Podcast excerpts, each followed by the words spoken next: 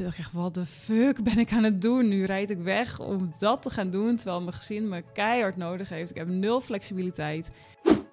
Waardoor we bijna failliet waren. Dus toen dacht ik, oh, waarom wilde ik dit ook weer zo graag? Welkom, dames en heren, bij een gloednieuwe aflevering van Faalverhaal. Ik heb vandaag niemand minder dan Lieke van Elvin bij mij aan tafel om haar faalverhalen aan te horen. Lieke, leuk dat je er bent. Dankjewel. Kun je eh, jezelf even voorstellen voor de luisteraars? Wat doe je zakelijk gezien? Nou, eh, ik ben Lieke Danenberg. Ik ben 39, bijna 40, wat ik echt een dingetje vind trouwens, bijna 40. Ehm, ik ben moeder en ik ben getrouwd met Wieger. Maar het grootste deel van mijn tijd besteed ik aan vrouwen helpen financieel onafhankelijk worden. Ehm, en dat doen we met Elvin. En Elvin is het grootste platform in de Benelux voor vrouwen over geld. Dat betekent, want het is altijd een hele mond vol als ik dat zeg, maar dat betekent dat wij vrouwen helpen geld te managen, meer geld te verdienen en geld te investeren. Uh, om dus de genderkloof te dichten, maar ook gewoon, wij zijn ervan overtuigd dat goede dingen gebeuren als vrouwen meer geld in handen hebben. Uh, daarnaast ben ik spreker op dat gebied uh, en ik geef les, ook nog af en toe voor volwassenen op HBO-niveau. Marketing en e-commerce. Dus ik zit altijd helemaal in de marketing en IT-hoek heerlijk te nerden. Ja, laten we een bruggetje gaan maken naar je faalverhaal. Vooraf vertelde je dat je er al best wel wat had. Ja, hoe, hoe zit het daarmee? Wat heb je allemaal meegemaakt?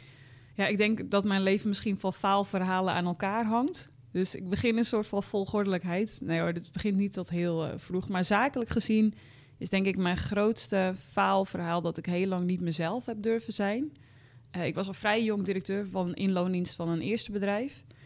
Toen was ik 25 en ik had uh, ja, een groep mensen om mij heen die veel meer ervaren waren dan ik. Die zaten dan in de raad van toezicht en zij had, hadden dan toezicht op wat ik deed als directeur. En ik vond het heel lastig om mezelf daarin te zijn, omdat ik ergens nog gewoon heel jong was.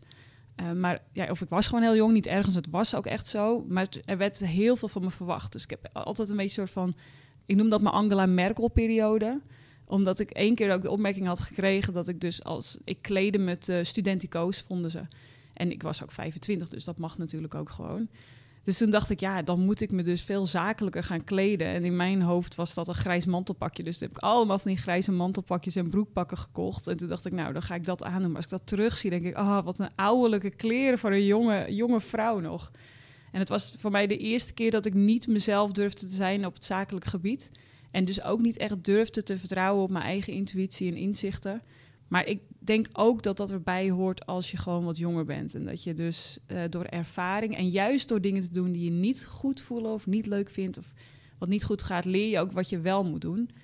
Dus je hebt allemaal van dat soort stappen nodig. Dus het, het heeft wel. Daarna ging ik aan mijn volgende directiefunctie beginnen. Ongeveer hetzelfde verhaal, wel leuker bedrijf. Nou, alle bedrijven waren leuk, maar weer dat ik mezelf niet goed, niet helemaal mezelf voelde. En uiteindelijk ben ik daar een beetje van losgegaan door gewoon heel resoluut te zeggen: ik stop hiermee, ik ga niet meer in loondienst werken, ik ga ondernemen.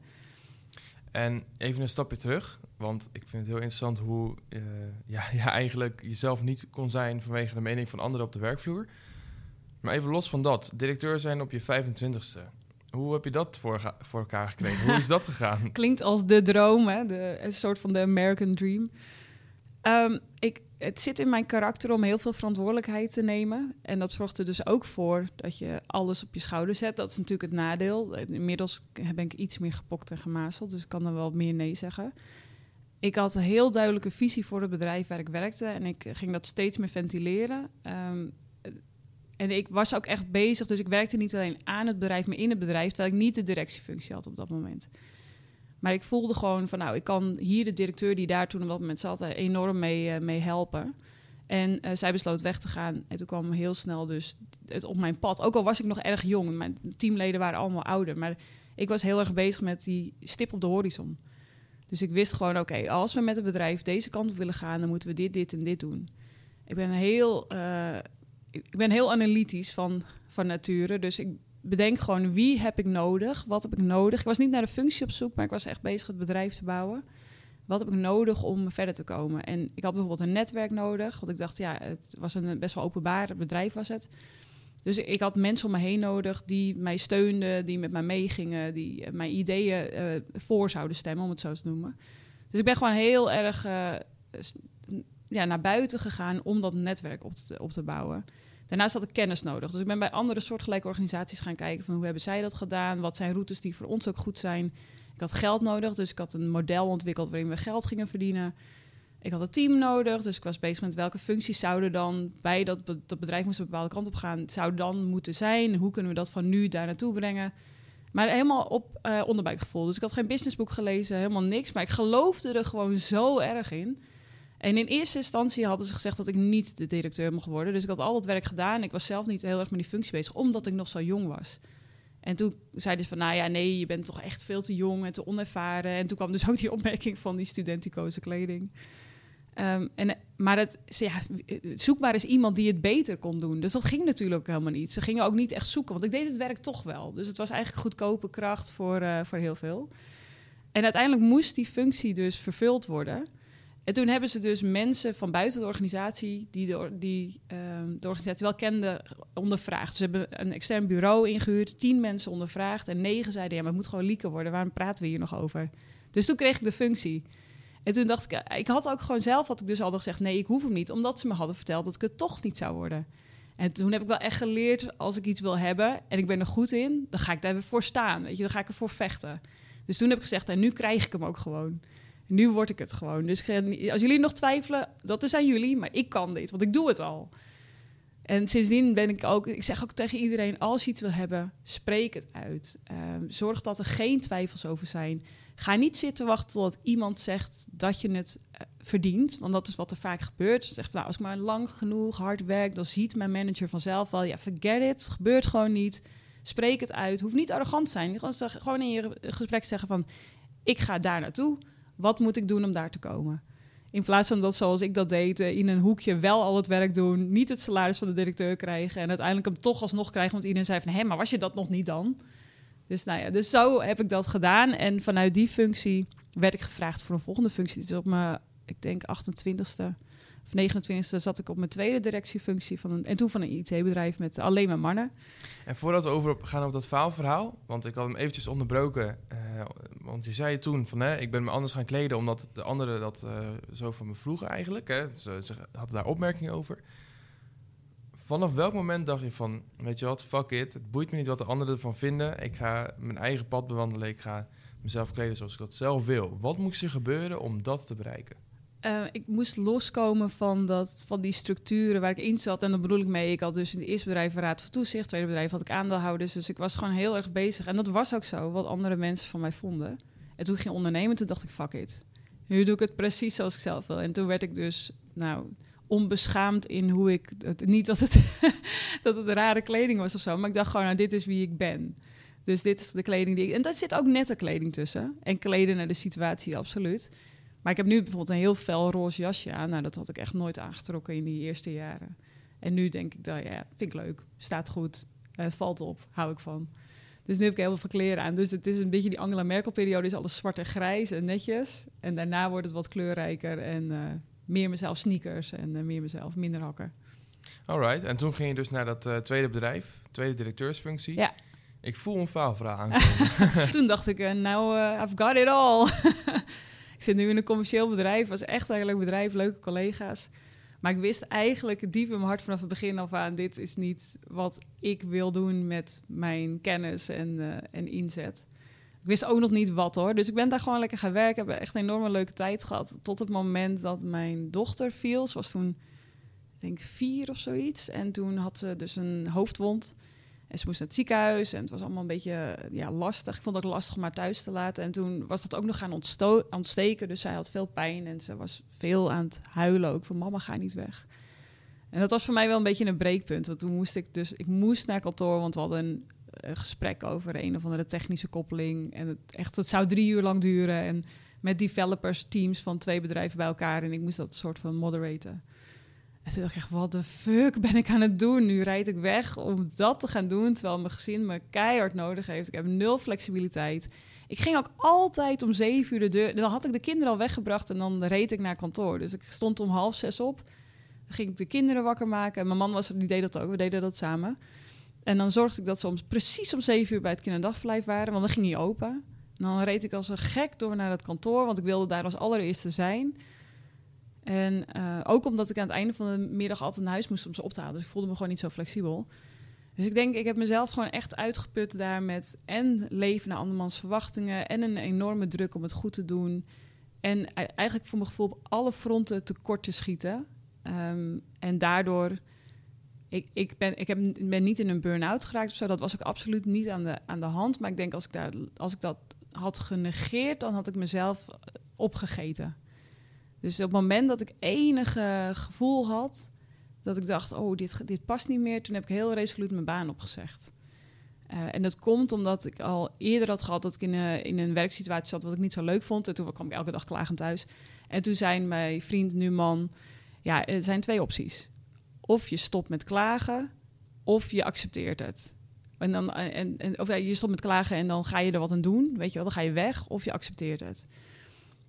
Dus toen dacht ik, dit is ook zo. Ik ben gewoon volledig verantwoordelijk voor mijn eigen geluk. Dus op dat moment dat ik dus bij dat IT-bedrijf dacht, mm, dit voelt niet helemaal goed meer. Toen ben ik eigenlijk heel resoluut heb gezegd, oké, dan of ik stop met klagen en ik ga weg, of ik accepteer het. Nou, accepteren was geen optie. Dus toen ben ik weggegaan. Geen plan, geen inkomen. Ehm, ja, eigenlijk een sprong in diepe. En dat kwam eigenlijk vanuit het faalverhaal tussen aanhalingstekens, dat je eigenlijk iets deed wat je niet leuk vond. Ja. Was het ook te lang dat je dat deed? Of denk je van, het was goed om ook erachter te komen wat ik niet leuk vind en wel leuk vind? Eh, je hebt het absoluut nodig. Ik geloof niet dat je zonder te falen weet wat je wel wil doen. Je hebt die faalverhalen nodig. Misschien heb je ze nu van mij nodig, maar je moet ook je eigen faalverhalen zeker ontdekken om te ontdekken wat je wel wil of wat je fijn vindt om te doen. Uh, dus het faalverhaal was dat ik het te lang heb doorgelaten lopen. Gewoon vanaf die eerste directiefunctie, directiefunctie naar die tweede directiefunctie. En ik heb gewoon nooit, serieus nog nooit over nagedacht van wat wil ik nu eigenlijk en waar ben ik nu goed in. Uh, en dan heb ik ook nog dat ik altijd denk dat ik overal goed in ben. Dus ik deed ook gewoon alles maar. Maar en dat heeft me absoluut geholpen om dus die sprong in het diepe te wagen. Omdat ik wist, nou ja, die directiefunctie, wat iedereen uh, fantastisch vindt. En zegt, oh, ben je dertig en dan ben je tweede directiefunctie. Dat is toch heel knap. Ja, misschien wel. Maar ik werd er niet heel gelukkig van in die zin. En ik, dacht dat dat zo zou zijn. En uh, ik heb mezelf een beetje in de steek gelaten op dat, uh, op dat vlak. Maar het was nodig om dus... Anders, anders had ik het nooit gedaan. Had ik nooit die, als, nooit die stap genomen, denk ik. Ja, want daar zijn we inderdaad gebleven. Je bent dan, uh, dan gestopt met je baan. Ja. Geen inkomen, helemaal niks meer.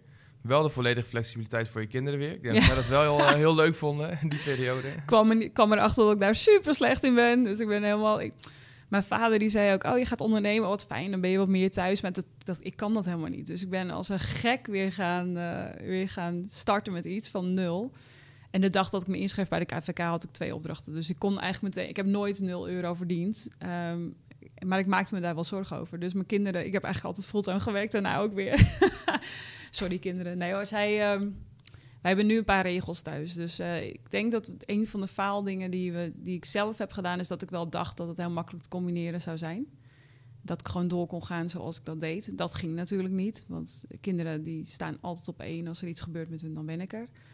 Uh, maar we hebben ook echt regels nu. Dus ik ontbijt altijd met de kinderen. Eén van ons brengt ze naar school. We eten eigenlijk altijd samen. Er is altijd, altijd één van ons is thuis als ze smiddags thuiskomen. Ja, dat, dat brengt flexibiliteit wel. Alright. Ja, dat zijn wel hele mooie regels inderdaad voor een mooie uh, werk- en privébalans. Daar komen we later nog wel op terug. Ja, je bent uh, dus inderdaad met die twee opdrachten gestart. wat ben je gelijk gaan doen na je directeursfunctie als ondernemer? Um, ik ging freelancen, want ik dacht dat is uh, relaxed. En toen kwam ik erachter dat ik dat helemaal niet relaxed vind. Dus dat werd het volgende faalverhaal, vanuit dat er volgordelijkheid in zit. Uh, het, het freelancen aan zich, ja, misschien ken je het, ik weet niet of je... Ja, nou, dit is natuurlijk, je hebt een opdracht, je bent bezig, eigenlijk doe je hetzelfde werk als wat je in loondienst doet, maar dan voor iemand anders en je stuurt een factuur. Maar ik was weer altijd voor andere mensen bezig. Dus ik was altijd met andermans successen, andermans resultaten. Ik zat in IT en marketing, deed sales voor IT als solution architect. En ik deed maar ook marketing voor het IT-bedrijf, want ik had marketing en IT-achtergrond. Dus ik merkte dat ik er heel onrustig van werd. Dat ik eigenlijk altijd voor mijn klanten aan het werk was. En dan daarnaast nooit meer aan het bedrijf werkte. En als ik dan op vakantie ging, dan dacht, ik echt, oh ja, maar nu maak ik helemaal geen uren. Natuurlijk kan je daarvoor sorteren, maar ik werd daar dus onrustig van, omdat ik gewoon, dat voelde voor mij niet goed. Dus ik dacht, nee, dat freelancen is niks voor mij. En daarnaast praat ik ook heel graag en heel veel. En dat is heel lastig als je in je eentje bent. Er is maar zo wat je, wat je kunt, tegen jezelf kunt zeggen op een dag. Dus ik dacht, ik moet een compagnon hebben en dan ga ik het groter maken. En dan kan ik mensen aannemen en dan kan ik in ieder geval op vakantie en dan krijg ik gewoon mijn salaris binnen. Dus toen uh, heb ik een compagnon gevonden en zij vond mij, dat was een beetje gelijk. En zijn we dat gaan doen. Dus zijn we een bureau gestart voor de IT-sector op het gebied van PR en marketing. En um, dat zijn we na drie jaar weer gestopt. Hoe is dat om van uh, directeur van waarschijnlijk veel personeel naar een kleine onderneming te gaan uh, met veel minder en ook andere verantwoordelijkheden? Zie je daar een groot verschil in? Of? Ja, je bent als je. Goede vraag trouwens. Als je als directeur van een groot bedrijf, dan ben je ook veel bezig met mensen sowieso. Tenminste, ik deed dan de operationele kant, dus ik was verantwoordelijk voor de teams in Nederland en in het buitenland bent iets meer in structuur aan het werken. Dus heel veel van het operationele werk wordt natuurlijk gedaan. En wat, waar ik voor moest zorgen was dat zij in een duidelijke structuur dat konden opleveren. Dat het voorspelbaar werd. Dat uh, zij het, ja, door konden gaan met de productie, om het zo te zeggen. Um, maar aan de andere kant deed ik ook nog steeds wel veel sales. En ook wel veel contact met klanten. En dat vond ik zelf dus het allerleukste. En dat werd ook minder, waardoor ik het minder leuk vond. Ik had nog een collega-directeur, dus ik was operationeel directeur en hij algemeen. Dat vond ik ook heel leuk om dat samen te doen. Achteraf, ik heb nu dus veel meer geleerd over het bouwen van een bedrijf. Ik werd, in een bedrijf gestopt wat al bestond en dan bestaat er al heel veel. En dan is het begin moet je daarop meevaren, dan moet je je eigen weg vinden. Dat heb ik niet helemaal kunnen doen, want ik heb daar drie jaar gewerkt.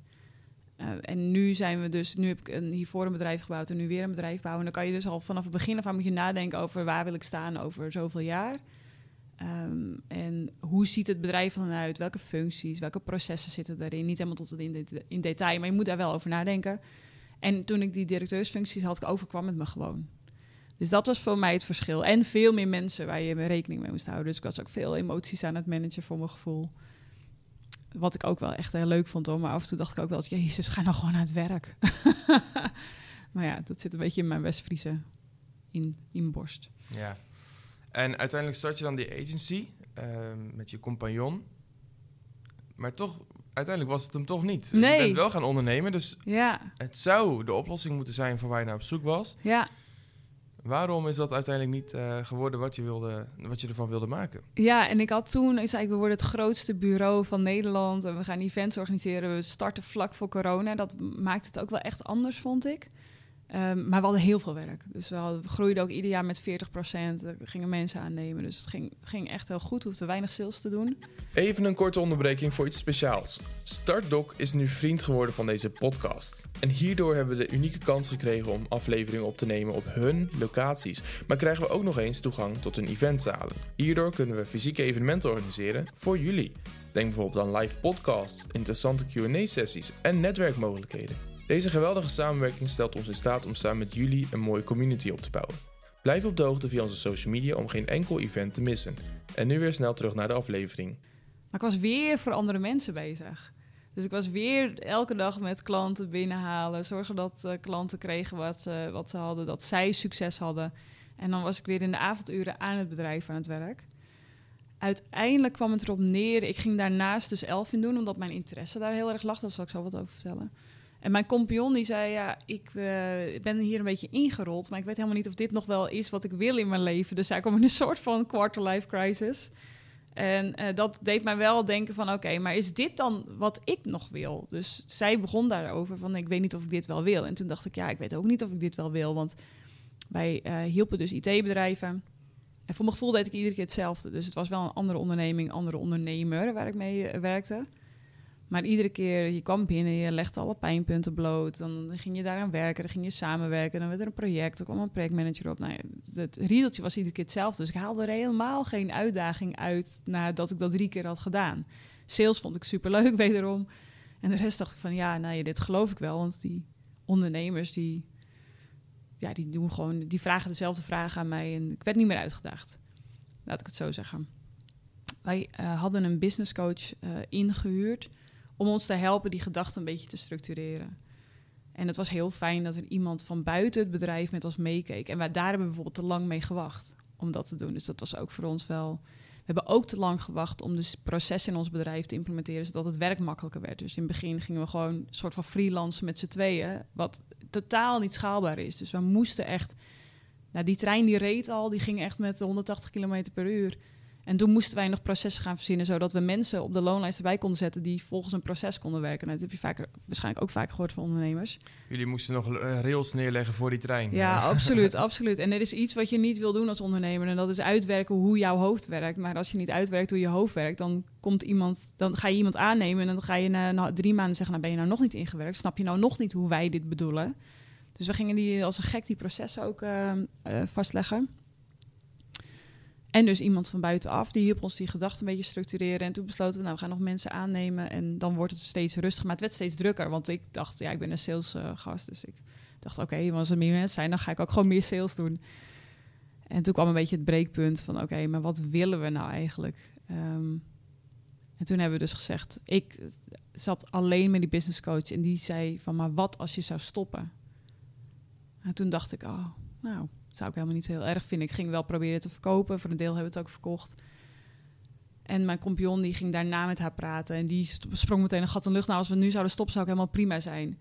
Of helemaal prima vinden. En zij stuurde ook, nadat we echt gestopt waren, stuurde ze mij een kaartje. Want we spreken elkaar nog steeds, gaan af en toe uit eten. Zij is echt een hele andere kant op gegaan. Dus zij studeert geschiedenis en zit nu bij de reservisten in het leger. En ze zegt, ik ga dit nooit meer doen. Zij had helemaal niet die ondernemersdroom. Dus uh, ik denk dat ik in mijn enthousiasme maar een beetje mee had genomen. En ik dacht van, nou nee, ik ga nog wel verder met ondernemen, maar ik ga iets doen waar ik niet per se voor andere mensen hoef te werken. Ja, en voordat we verder gaan op wat je vervolgens bent gaan doen, wat ik hier ook uit haal en wat ik heel erg interessant vind, is gezien natuurlijk mijn uh, jonge leeftijd, spreek ik ook heel veel andere jonge ondernemers of jongeren die je continu op zoek zijn van ja, wat ga ik uiteindelijk doen? Ik wil gaan ondernemen, dat zei ik ook op de basisschool. Ik wil ondernemer worden, maar ik weet niet hoe en wat. En ik denk ook dat wat we hier uit het verhaal kunnen halen, is dat je eigenlijk helemaal niet zo um, op een jonge leeftijd het perfecte uh, business hoeft te hebben. Of het idee van oké, ik ga heel mijn leven lang dit doen. En dat je continu door te innoveren en door nieuwe dingen te proberen, uh, komt waar je uh, wil of moet komen. Dus ja, ik vind het wel interessant om dat aan te horen, dat je daar de tijd voor hebt genomen om verschillende dingen te proberen. Werkt iets niet, dan stop je gewoon en dan ga je weer verder. Ja, maar dat, uh, daar moet je wel eh, soms een beetje dikke huid voor hebben, omdat mensen gaan zeggen: ga je nou alweer wat anders doen? En ik heb echt veel mijn gevoel, echt, ik ben bij de VVV begonnen als Bali-medewerker. Daarna ben ik naar een andere organisatie gegaan en daar heb ik allerlei dingen gedaan op het gebied van, van stadspromotie. Toen directeur geworden, toen in de IT-sector gewerkt. Daarna een dataopleiding gedaan en freelance als uh, solution architect gewerkt. Daarna een PR en marketingbureau. Nu ben ik eigenaar van een start-up. Dus mensen die, die zeggen, hé, maar je, zat, je was toch van de data? Of uh, je deed toch iets met uh, stadspromotie? Maar was jij niet ook bezig met die ERP-koppeling? Dus als mensen me van vijf jaar geleden tegenkomen en zeggen, maar wat doe je nu dan? Ja, ik doe nu dit. Hoe kom je daar nou weer terecht? Dus ik zeg altijd, ik heb heel veel levens geleefd en ik heb mezelf aangeleerd om me daar niet meer voor te schamen. Omdat ik ook zag, een paar grote ondernemers had ik ook geluisterd of gekeken. En één zei iets heel treffends. Je begint met plan A en dat, op dat moment denk je dat dat het is. Als je ermee bezig bent, dan kom je achter dat het niet helemaal is. Je neemt mee wat je mee wil nemen. Je laat achter wat je achter wil laten. Je gaat naar B. En B heb je dus al iets meegenomen ga je weer nieuwe dingen ontdekken. Want je denkt, ja, dat ga ik anders doen. Kom je weer tegen dat dat misschien net niet helemaal is. Je neemt weer mee wat je mee wil nemen. Dan ga je naar C. En C is hetgene waar je excelleert. Misschien D of misschien E. Dat maakt niet zoveel uit.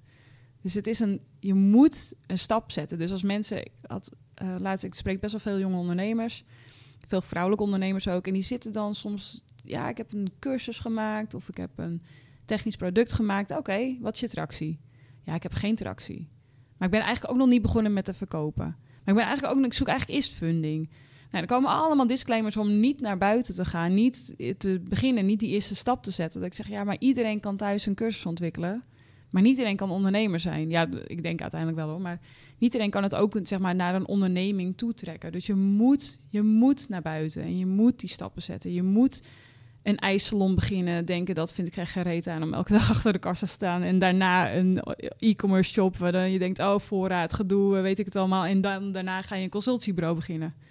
I don't know, weet je, dat, je moet dat ervaren. Dus ik zie eh, de ondernemerservaring die ik heb als voetbalplaatjes. Dus ik spaar eigenlijk gewoon verschillende type voetbalplaatjes. En ik wil nog ooit een keer bijvoorbeeld een fysiek product in de markt zetten met een, met een shopper achteraan. Maar nu weet ik dat niet. Maar nu denk ik, nou, nu doe ik een start-up. En dat is ook al intensief genoeg.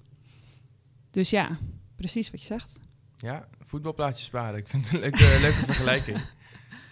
Ja, en je, je noemde al, je bent uh, met Elvin begonnen aan de zijkant, uh, terwijl je nog bezig was met je agency. Vervolgens uh, ja, zegt de business coach van, hey, waarom stop je niet gewoon? Wat zou er dan gebeuren? Jullie stoppen allebei.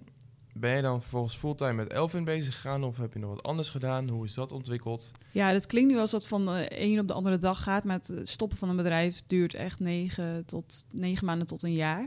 Ja, al is het maar met, afwikkeling en we hadden klanten, we hadden personeel, weet je. Dus je bent echt wel even bezig. Um, toen ik begon met ondernemen wilde ik dus iets met mijn geld gaan doen. Want ik dacht, oké, ik bouw geen pensioen op, ik uh, verdien wel geld. Wat moet ik nu doen? Dus ik ben daar ingedoken. Toen kwam ik erachter dat het uh, voor mij... Het was makkelijk en moeilijk tegelijkertijd. En ik kwam er ook achter dat voor vrouwen nog meestal... Die vinden het nog, nog ingewikkelder dan mannen. Uh, dus ik dacht, kan ik iets doen om ervoor te zorgen dat vrouwen die kennis makkelijker krijgen. Dus ik ben naast de agency daar, daar gewoon dingen op gaan ontwikkelen samen met Puk. Die kwam ik dan tegen op hetzelfde onderwerp. En wij hebben heel veel geëxperimenteerd. Dus we dachten, oh nou, misschien willen ze een financieel plan maken, misschien willen ze leren beleggen, misschien weet ik het. En we verkochten echt 2000 e-producten in, uh, in een paar maanden tijd. Dus we dachten, oh ja, dit is echt relaxed, want ik maak een product en dan gaat het lopen. Het, uh, het, het, Nee, dat ga ik nu niet vertellen. Maar ik, ik zie veel mensen die een online product maken omdat ze dan geld als een site willen verdienen. Maar het werk zit in het bereik. Dus we hadden al wel een groot bereik, omdat we al heel lang naast ons werk gewoon blogden of uh, podcasts opnamen of uh, live ging op Instagram op dit onderwerp. Toen ik die agency ging stoppen, toen had ik dat dus al. Dus ik wist ook en het groeide ook heel snel. Dus ik dacht, ik weet niet of ik ermee gestopt was als ik dat niet had. Als ik heel eerlijk ben, want ja, het voelde ook wel goed. Ik deed werk wat makkelijk voor me was. Ik verdiende er geld mee. Uh, het groeide ook nog steeds. Maar ik had Elvin wel en ik voelde een soort van in mijn hart, ik moet een keuze maken. Dus ik besloot wel dat te gaan doen. Moest thuis weer even een gesprek uh, voeren. Oké, nou, ik ga dus stoppen met de agency en ik ga verder met de start-up waar uh, nog heel veel onduidelijk is. Mijn man zegt altijd, yeah, go for it, weet je wel, succes. En uh, zo zijn we dus met Elvin begonnen naast ons werk. Dus ik ging geleidelijk aan, ging ik van parttime naar fulltime erin. Ik denk dat ik nu ruim een jaar fulltime erin zit. En Puk, ik denk een jaar en negen maanden ongeveer. Zij heeft ook echt een goed betaalde baan opgezegd, omdat ze er zo klaar mee was. Dat, uh, ze heeft daar een half jaar gewerkt. Ze twijfelde of ze daar moest gaan werken. En toen zei ze na een half jaar, ik trek het niet meer, ik zeg mijn baan op. Ik zei, nou oké, okay, ga maar je baan opzeggen. Dus zijn we fulltime gegaan. Maar we hadden ook een hele duidelijke stip op de horizon. En dat was het bereiken van 1 miljoen vrouwen. En op het moment dat je zo'n... In, toen was dat een heel ambitieus doel neerzet, dan moet je keuzes maken. Je kunt niet iets bouwen, maken waar je 1 miljoen vrouwen helpt om financieel onafhankelijk te worden naast je werk. Uh, vier uurtjes in de avond, twee uurtjes in het weekend. Dat gaat niet. Uh, we gingen geld ophalen. Dus ja, dat doe je ook niet naast je werk. Want je gaat investeerders aan boord krijgen. En die zeggen, en die zeggen nou, hoeveel uur werk jij in elf? Nou, ik doe de ene week vier en de andere week zes. Nou, dat gaat ook niet. Hier, take my money. ja, precies. Dat werkt gewoon niet zo. Je moet echt commitment hebben en tractie. En, en ik voelde ook aan alles, dit is wat ik wil doen. Ik had altijd al een fascinatie voor geld. En uh, ik had altijd al het idee, ik kan uh, moeilijke dingen makkelijk maken. Want dat deed ik al bij de IT-wereld, dat deed ik al in het, in het eerste bedrijf. Dus dat is eigenlijk wat, wat ik het leukst vind. Dat andere mensen succes krijgen omdat ik iets voor ze uitleg, zodat ze dat gaan snappen. Dus van mij werd echt A plus B werd C met Elvin. En uh, we stopten met het bedrijf, met het bureau. En ik kon zo de start-up in. Uh, en dat is een rollercoaster aan zich. En dan proberen we daar een soort van orde in te krijgen. Maar het is. Uh, ja, met duct tape aan elkaar plakken, toch? Ja, soms houd je touwtje. En soms ook weer juist proberen voor te sorteren op iets wat groot, steeds groter wordt en schaalbaarder wordt. Dus je, je denkt na over het nu. Wij zeggen ook altijd tegen elkaar: we staan s ochtends de wc's te schrobben. En smiddags staan we mee te doen met de internationale pitchwedstrijd. Dus het, het ligt van al. Het spectrum is heel erg breed als het gaat om die start. Nu hebben wij wel een team, dus we kunnen al wel wat meer dingen loslaten. Maar nog steeds Vanochtend hadden we weer wel een idee bedacht. We hebben het in twee dagen live gezet. En vanochtend zeiden we, oh, moeten we dat wel echt live gaan brengen? Ja, ja, gaan we doen. Oké, enter. Nou, dat, dat, dat is bijvoorbeeld niet iets wat we in het IT-bedrijf konden. Dat we vrijdag iets verzonnen en maandag live konden zetten. Want er was al een structuur en er was al, weet je, dat gaat wat minder goed. Je bent dus gestopt met die agencies en je directeurfunctie, omdat je continu zei van hé, hey, ik ben nu andere bedrijven groot aan het maken. Ik, maak, ik werk eigenlijk voor hun en ik heb die flexibiliteit niet. Vanaf welk moment dacht je bij Elvin van hé, hey, dit, is, dit is anders dan wat we normaal deden en dit, dit voelt goed en dit voelt het juist, als het juiste pad en hier moet ik mee verder gaan. Behalve die validatie van 2000 e-learning uh, producten die, uh, die je hebt verkocht. Nou, die speelde wel absoluut mee hoor. Want ik had dus een cursus gemaakt over hoe maak je een financieel plan. En ik was daar 20 uur mee bezig geweest. En die verkochten we 400 keer in één week. Dus echt, ik dacht echt, wow, ik had echt nooit gedacht dat dit, dat dit mogelijk uh, was als het gaat om ondernemen. Want ik werkte altijd in uurfactuur voor andere ondernemers of in pakketten. Maar nog steeds moest ik mijn hersens voor hun inzetten. Dus dat speelde voor mij wel echt mee. Toen, ik had er gewoon heel veel lol in. Want ik kon dus op zondag een rondje hardlopen, een goed idee hebben en het smiddags live hebben staan. En dat vond ik gewoon het. En toen dacht ik, als ik dit elke dag mag doen, en geloof me, niet elke dag is leuk. En het werk is ook niet alle dagen leuk. En er zitten ook echt klussen tussen dat je denkt: holy fuck, hoe kom ik hier? En, dan ben ik nog bozer op mezelf, want ik verzin het ook nog eens zelf. Dus denk ik, nou heb ik alles in handen, ik heb heel veel flexibiliteit en dan verzin ik dit voor mezelf, dat ik dit nu op dit moment moet doen. Maar ik kan wel de meeste dagen dus aan het bedrijf werken. En dat vind ik echt een heel groot goed. En dat betekent ook dat als het niet loopt zoals je wil lopen, het ook je eigen verantwoordelijkheid is. En als het niet zo hard groeit als dat je zelf, dan zijn jouw ideeën niet goed genoeg. Dus dat is de andere kant ervan. Dus ik, ik denk de eerste keer dat ik een dag voor Elvin ging werken en dat ik niemand had gesproken, wat ik soms heel lekker vind, maar wel iets had opgeleverd waarmee we meteen weer groter konden worden. Toen dacht ik, oh, dit, dit is echt fantastisch. Yes. Hey, en een tijdje later, Elvin wordt wat groter. Vervolgens komt er weer een ander verhaal natuurlijk op jullie pad. Ja, Iets ja. met de rebranding las ja, ik. ja, nou het heette niet altijd Elven, het was eerst Fire for Women. Dat was, uh, zo heette het blog wat, uh, wat Puk schreef en zo heette ook uh, de community. En wij dachten, ja, FIRE staat voor Financial Independent Retire Early. en dat gaat over dat je gaat leven van je vermogen, zodat je niet meer, dat je eerder met pensioen kunt.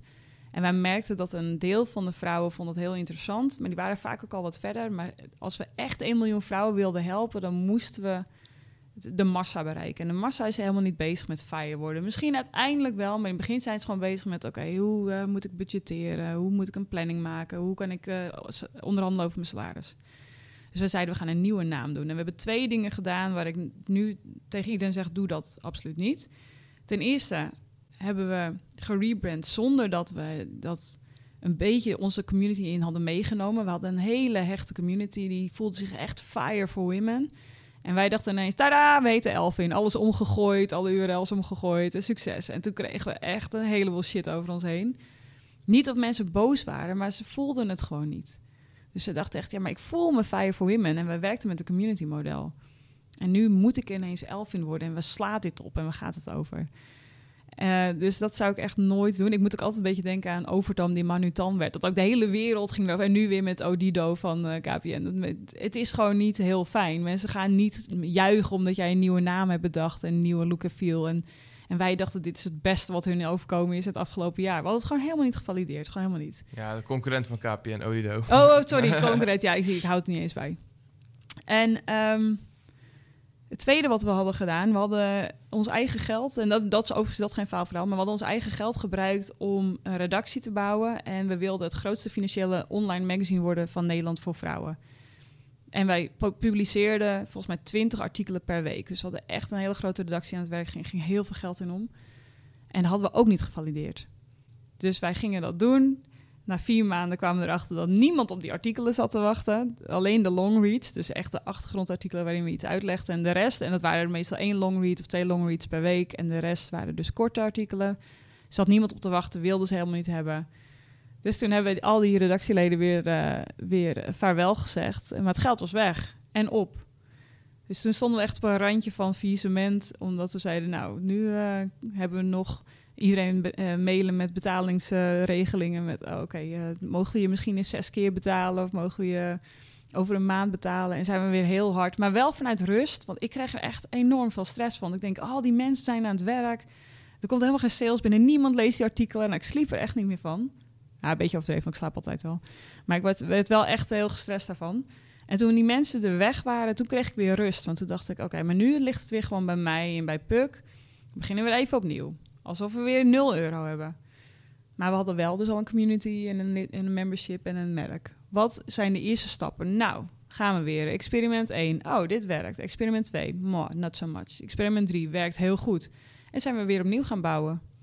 Dus ik heb daar echt die in maanden, als ik er nog aan terugdenk, krijg ik nog een beetje dat ik hartkloppingen krijg. Want we gingen en die branding doen, waardoor mensen zeiden: Gadverdamme, vindt het verschrikkelijk.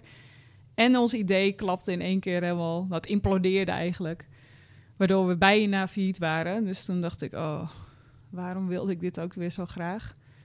Maar uiteindelijk weer het heft terug in eigen handen genomen en weer doorgegaan. Ja, en mag ik ook vragen naar wat voor bedrag jullie hebben moeten investeren in die redactie? Ik denk, het was 10.000 euro of 12.000 euro per maand. Zoiets wat we hadden. En dat hebben we vijf maanden gedaan. Ja, wel gedurfd inderdaad, zonder MVP om, eh, om zo'n grote stap te nemen. Ja, dus dat qua we- risico nemen doen jullie het wel goed, maar... eh, Ja, maar dat, wij, voor ons voelde het absoluut niet als een risico. mm. Want we dachten niet van, oh, nu gaan we heel erg out of the box. We vonden het gewoon een logisch vervolg. Dus we hebben het nooit als een risico gezien. We snapten gewoon niet dat het niet werkte. En toen gingen we een survey eruit sturen. En toen dachten we, oh, wat wil je lezen van Elvin? Long reads of goede video masterclasses? Of zeg maar de diepte in. Oké, dus de tip van de dag en het Elvin doet dit of eh, een kort verhaal. Dat hoef je allemaal niet. Nee, dat hoeven we allemaal niet. En we hadden best wel wat geld in het bedrijf, hadden we ook geïnvesteerd. Dus we hebben eigen geld en het geld van het bedrijf erin geïnvesteerd. Nou, dat was op na vijf maanden en toen moesten we weer opnieuw beginnen. Ja, pijnlijk, maar wel heel leerzaam. En ook als het gaat om de rebranding, ja, neem je, neem je klanten mee. Dat is echt wel een eh, hele goede tip. Ja, zeker als je een community hebt. Want dan die mensen die voelen zich eh, betrokken bij jou. Ik vertelde even in het voorgesprek dat mensen nu naar me toe komen. hey, Lieke, en ik ken je daar en daarvan. Of dan heb ik, heb ik ze misschien een keer in de community gesproken. Maar we hebben 11.000 vrouwen in de community. Dus ja, ik weet het allemaal niet meer. Ik doe echt heel erg mijn best om iedereen's naam te onthouden... als ik ze eh, face-to-face heb gesproken. Maar dat zijn er gewoon heel veel. En daar zijn iets van 1400 zijn betaald member... En een deel is ook weer gestopt met membership. Dus we hebben nu iets van duizend eh, eh, actieve members in 2,5 jaar. Ja, die ken ik natuurlijk allemaal niet meer. Maar zij voelen wel, want zij, zij kennen alleen Puk en mij. Dus zij voelen wel dat wij delen heel veel. We delen alles over de onderneming. We delen alles over hoe we funding ophalen. We delen over onze eigen financiële plannen. Over hoe onze gezinssituatie is. Dus zij denken gewoon, wij kennen hun heel goed. En nu doen ze ineens dit. Dan komen ze ineens out of the blue. En als je geen community hebt, is dat misschien anders. Maar voor ons, dat was gewoon een hele rare set dat we dat zo hebben gedaan. Maar wij dachten echt, ah, die mensen zitten hierop te wachten. Wat niet zo is. Nu inmiddels merk ik, daar was ik laatst aan denken. De mensen die toen zeiden van nee, ik vind niks. Die zijn nu helemaal om. Want zij moesten weer leren dat het, ondanks dat het andere naam had, dat het nog steeds dezelfde insteek had. Hetzelfde gevoel, dezelfde knusheid. Ondanks dat je met z'n duizenden bent. Ja, dus ehm, ja, doen we dat niet out of the blue. Yes. Ja, ik denk dat het verhaal zo heel mooi rond is. Heb jij toevallig nog iets eh, toe te voegen als het gaat om eh, falen of nog een ander verhaalverhaal wat interessant is om te delen? Nou, alleen dus droom groot, durf ook te falen. Eh, neem risico's, al voelt het misschien voor niet altijd zo, maar zonder die risico's kom je er niet. En het is oké om onderuit te gaan. Dus je wint of je leert, zeggen wij altijd. En ik, dat is even waarschijnlijk wel heel veel mensen al gezegd, maar ik geloof dat ook echt. Dus een vriendin van mij die zei een keer tegen mij, zij was heel bang om keuzes te maken. Ja, ze zegt, als ik naar jou kijk, dan zie ik het ook heel vaak fout gaan. En ik, ik was echt stom verbaasd. Ik zeg, wanneer gaat iets fout dan? Dan zijn er de drie dingen op. Ik zeg, oh nee hoor, dat gaat helemaal niet fout. Het ging gewoon misschien niet zoals ik dat had bedacht. Maar uiteindelijk heb ik er enorm veel van geleerd. Dus ehm, een beetje onverschrokken zijn is niet erg. En als je die stip dus heel hoog zet... Dat heb ik ook echt geleerd. Dus een ambitieus doel stellen. Dan ga je je anders opstellen ten opzichte van risico's... dan wanneer je het klein houdt. Dus als je, wij hadden gezegd, we gaan duizend vrouwen helpen... dan hadden we niet dat risico genomen met het bouwen van een redactie waarschijnlijk. Maar we hadden gezegd, we willen een miljoen vrouwen helpen. Dus wij moesten ook gewoon dingen doen die, of, ja, van onszelf, hè, die ervoor zorgen dat we een miljoen vrouwen konden bereiken. Dus dan ga je geld ophalen en dan ga je een techproduct bouwen en dan ga je internationaal. En dan, dus je moet echt andere dingen doen. En dan moet je dus ook steeds meer risico nemen. Ja. Ja. Dat is wel nog, inderdaad nog een goeie. Eh, je bent een Nederlands bedrijf, besluit om vervolgens internationaal te gaan. Zie je nog verschillen als het gaat om een, een internationale markt en een Nederlandse markt, als het gaat om culturen of uh, het financiële stuk? Of ja, wat voor uitdagingen kwamen daarbij kijken eigenlijk? Ja, hoe is we, dat gegaan? we zijn nu net begonnen, maar wat wij wel uh, hebben gedaan is dus heel veel van onze interne communicatie is al, uh, was altijd al Engels. Dus bijvoorbeeld ons marketing automation systeem, de backend daarvan hebben we in het Engels opgezet. Met het idee dat als we willen dus een miljoen, dus uiteindelijk hebben we ook uh, teamleden nodig die niet Nederlands zijn. Omdat we in verschillende landen zitten en dan moeten we met elkaar kunnen communiceren. Dus, dus daar zijn we nu mee bezig. Um, en we zijn gaan in januari beginnen in Zwitserland.